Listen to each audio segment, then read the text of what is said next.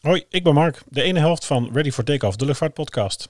We zijn de podcast ooit gestart om onze vliegervaringen met je te delen en dat blijven we ook gewoon doen.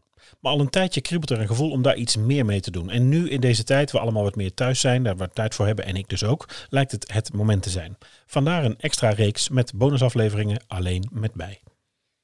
Vanaf 2007 tot en met 2013 was ik werkzaam als cabin attendant en purser bij de Koninklijke Luchtmacht. Ik heb er werkelijk de hele wereld gezien.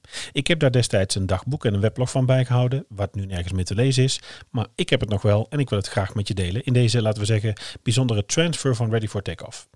Laat me weten wat je ervan vindt of wat je zou willen horen. Dat mag op Twitter, daar zijn we at take underscore ready. En dat mag op Insta, daar zijn we ready for takeoff pod. Vandaag wil ik je meenemen naar Griekenland.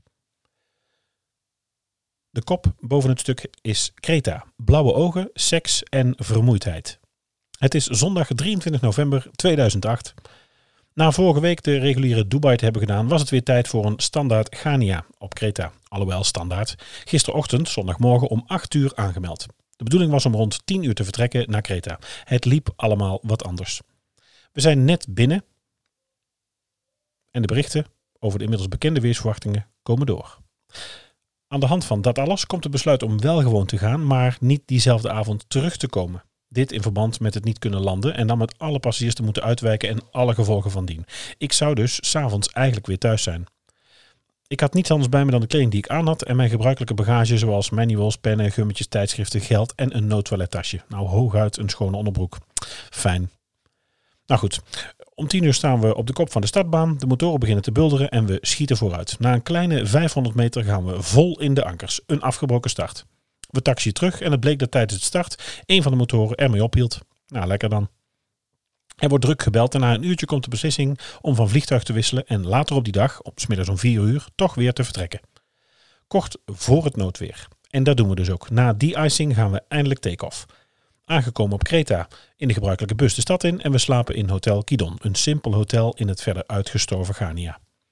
We gooien sjaals en stropdassen uit en gaan nog even naar de crewborrel in ons werkpak. Het loopt uit tot half drie s'nachts. Ik moet om half acht weer op om te melden. Maar goed, na een halve krat cola en een hoop lol is het goed te doen. Enigszins brak stappen we aan boord. Alles verloopt prima. Het drankje, de maaltijd. We gaan het laatste uur in. Ik kijk moe en dromerig naar de besneeuwde Alpen. We zijn net boven Oostenrijk. En opeens ontstaat er een opstootje. Een van de passagiers slaat geïrriteerd een andere passagier vol op zijn bek. Samen met een collega sprint ik erop af en we komen tussen beiden. We trekken ze uit elkaar en we zoeken vriendelijk doch dringend te blijven zitten en de handjes thuis te houden. We worden vuil aangekeken en voor nog meer uitgemaakt. Lekker belangrijk dan. Daarna waarschuw ik nog een, pak, nog een passagier die niet echt netjes een vrouwonvriendelijke lectuur zit door te nemen. Ik beloof het hem in te nemen als hij het niet snel verdwijnt. Tien minuten later kan meneer zich toch niet inhouden en raakt hij zijn blaadje kwijt. Aan mij. Na de landing plof ik in mijn auto op weg naar mijn gezin. Wat was het toch weer heerlijk rustig thuis. Tot de volgende vlucht. Tot de volgende keer.